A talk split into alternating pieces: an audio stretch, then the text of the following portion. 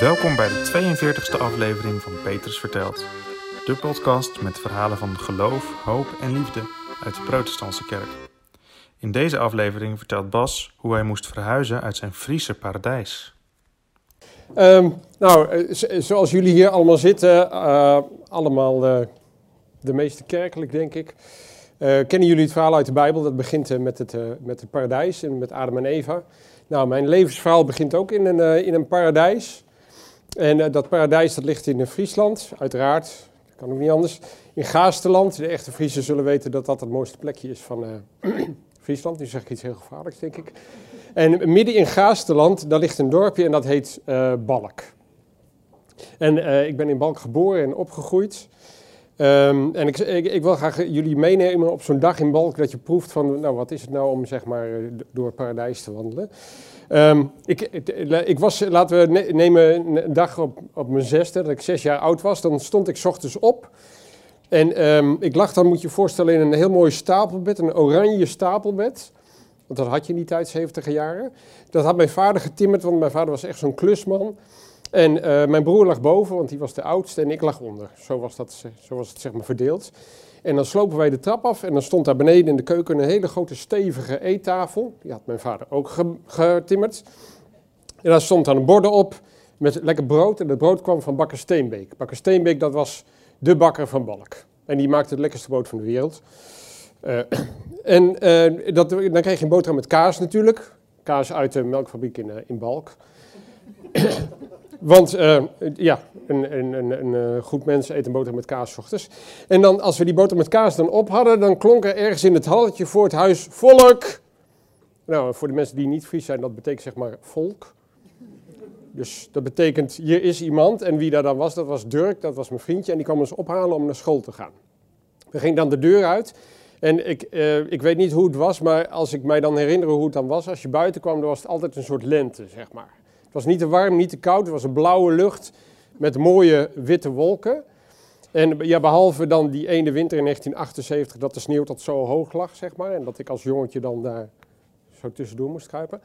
Um, Zo'n lentedag en dan liepen wij uit ons nieuwbouwwijkje. Er was een één straatje in Balk. Balk had dan een nieuwbouwwijkje, er was één straatje. En dan links hadden we de velden met nog waar je toen dan allemaal kruiden had. En dan de leeuwrekken die vlogen daar zo rond. En dan keken we uit op de dorpstraat en daar renden we dan naartoe. En er was een steegje. Dan kwam je uh, bij, de, bij de vaart, zeg maar. Maar voordat je dat steegje doorkwam, kwam je langs de bakker. En dan riep Dirk, Dirk die, was altijd, die had altijd iets meer lef zeg maar, dan ik, die riep dan bij de bakker naar binnen, Hajo nog koeken? Heb je nog koek? Want die bakker die maakte dan van die oude wijvenkoek. En als we dan geluk hadden, kregen we een stukje koek. En als we pech hadden, dan kregen we een uitbrander. Dan kwamen we op de dorpstraat met van die mooie kiezeltjes. En daar lag voor ons van links naar rechts de Luts. Nou, mensen die de Elfstedentocht volgen, die weten dat de Luts, daar, uh, daar gaat de Elfstedentocht over. Nou, voor ons was dat zeg maar de uitvaart van ons, uh, van ons paradijs. Daar liepen we dan langs en dan liepen we over zo'n mooi boogbruggetje. Balk had alleen maar mooie boogbruggetjes. En dan kwam je langs het raadhuis. En dat was een soort raadhuis met een trapje aan de zijkant. En dan, daar zat een soort bordes zat erop. En ook een deur. En wij wisten nooit wat er gebeurde. Er gebeurde ook nooit iets. Maar als we dan tijd hadden, dan klommen we even dat trapje op.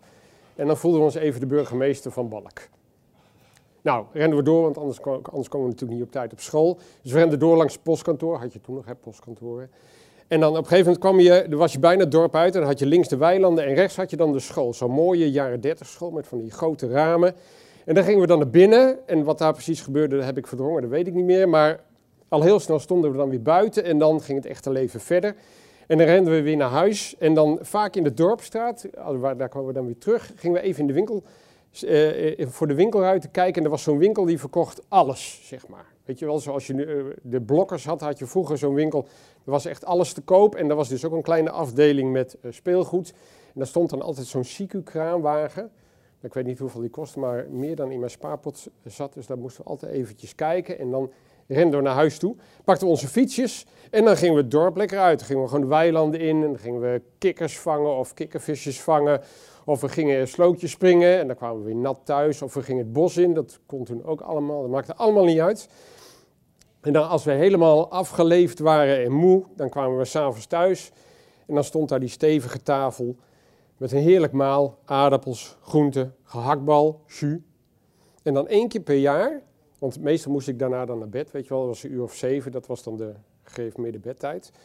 Uh, maar één keer per jaar mocht ik opblijven en dat was dan de nacht van de gondelvaart. En dan liepen we naar het dorp en dan begon het wat donker te worden en door die vaart kwam dan een enorme stroom van allemaal bootjes met lampionnen en mooie tafereelen erop en allemaal engeltjes erop, die door ons nou ja, hemeltje voeren, zeg maar. Nou, je kunt je voorstellen, hè, dit, is, dit is echt het dorp zoals Wim Sonneveld het ook schetst. Het dorp waarvan je denkt, ja, dit is hoe het moet zijn, dit is hoe de wereld in elkaar zit en zo zal het altijd blijven. Maar op een dag zaten wij s'avonds aan tafel, aan die stevige, robuuste eettafel die nooit zou verschuiven. En zeiden mijn vader en moeder aan het eind van de maaltijd, we moeten jullie iets vertellen. Nou, en als je in Huizen Popkema zegt, we moeten jullie iets vertellen, dan betekent dat of dat er een kindje geboren wordt, of het betekent dat er iets helemaal niet goed is. Nou, in dit geval was er iets helemaal niet goed, want mijn ouders spraken de drie woorden uit, wij gaan verhuizen. Ehm, en mijn broer en ik, en mijn zusje, nou mijn zusje was te klein om het te begrijpen, maar mijn broer en ik die begrepen iets van het concept verhuizen en we barsten allebei in een enorme huilbui uit. Want dat kon natuurlijk niet, dat paste niet in ons universum buiten Drachten, of uh, buiten Balk. Was er niks, ja Drachten dus, dat zul je zo horen. Was er niks en wij wilden absoluut niet weg uit dit uh, paradijsje. Maar het ging toch gebeuren, want mijn vader had geen baan meer. En uh, die had een nieuwe baan gevonden in Drachten. En toen de tijd was het nog niet zo dat je dan met de auto heen en weer ging. Want wij hadden een oude Citroën en die haalde ongeveer 30 kilometer en dan was die uitgeput, zeg maar. Dus we moesten weg. Nou, eigenlijk van die verhuizing weet ik ja, weet ik helemaal niks meer. Behalve dat ik tegenover mijn vriendje stond, Lennart. En dat ik zei wat je dan zegt, hè, we zien elkaar nog, we gaan logeren. Nou, ik denk dat dat ook wel één of twee keer gebeurd is, maar vaker zal het niet geweest zijn. Drachten was gewoon de nieuwe plek. En dat werd de nieuwe woonplaats. En als ik aan Drachten denk van toen, van toen ik daar kwam, dan is Drachten eigenlijk alles wat uh, Balk niet was, zeg maar. Drachten, dat was uh, de plek waar Dirk niet ochtends riep van volk. Er was niemand die volk liep. En als je de deur uitliep en je liep naar school, ja, dan liep je niet door een prachtig dorp, door dat hemelse paradijsje, maar je liep door een nieuwbouwwijk. En als je je afvroeg waar je brood vandaan kwam, ja, ik heb geen idee. Er was geen bakker in de buurt, want dat was ergens ver weg in de stad. En het brood smaakte ook niet zoals het brood van bakker Steenbeek. Dus het was gewoon allemaal niks, vond ik. Nou, zo ging dat natuurlijk een paar weken door. Hè? Tot we op een avond onze broodjes smeerden en weer tegen mijn moeder zeiden... Nou, goed, het smaakt wel, maar het is niet het brood van bakker Steenbeek. En toen zei mijn moeder met een beetje tranen in de ogen... Ja, maar dit is een brood van bakker Steenbeek. Want je vader die was vandaag in Balkan, die heeft er eentje meegenomen. En daarmee kwam er ook een barst in die idylle van het paradijs. nou ja, nou denk je...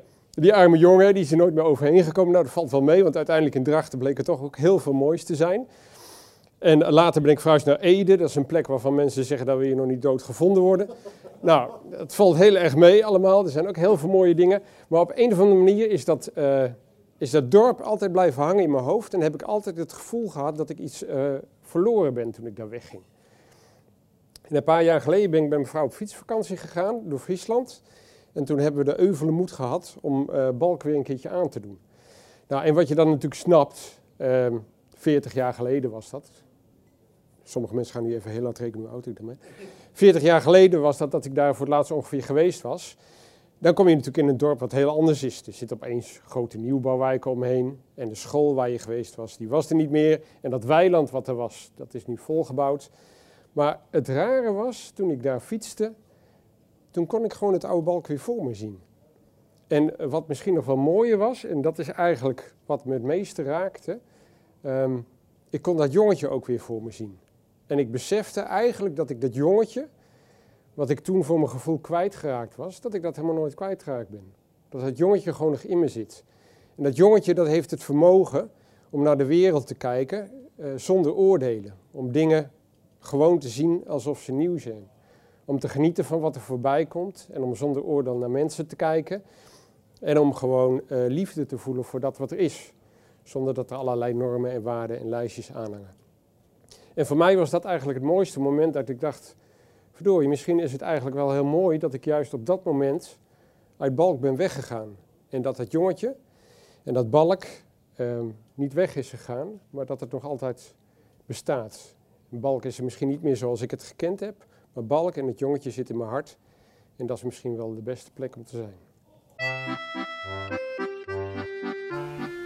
Dit verhaal werd verteld tijdens een verhalenavond van Petrus Vertelt. Wilt u ook een keer zo'n verhalenavond bijwonen? Kijk dan op www.petrusvertelt.nl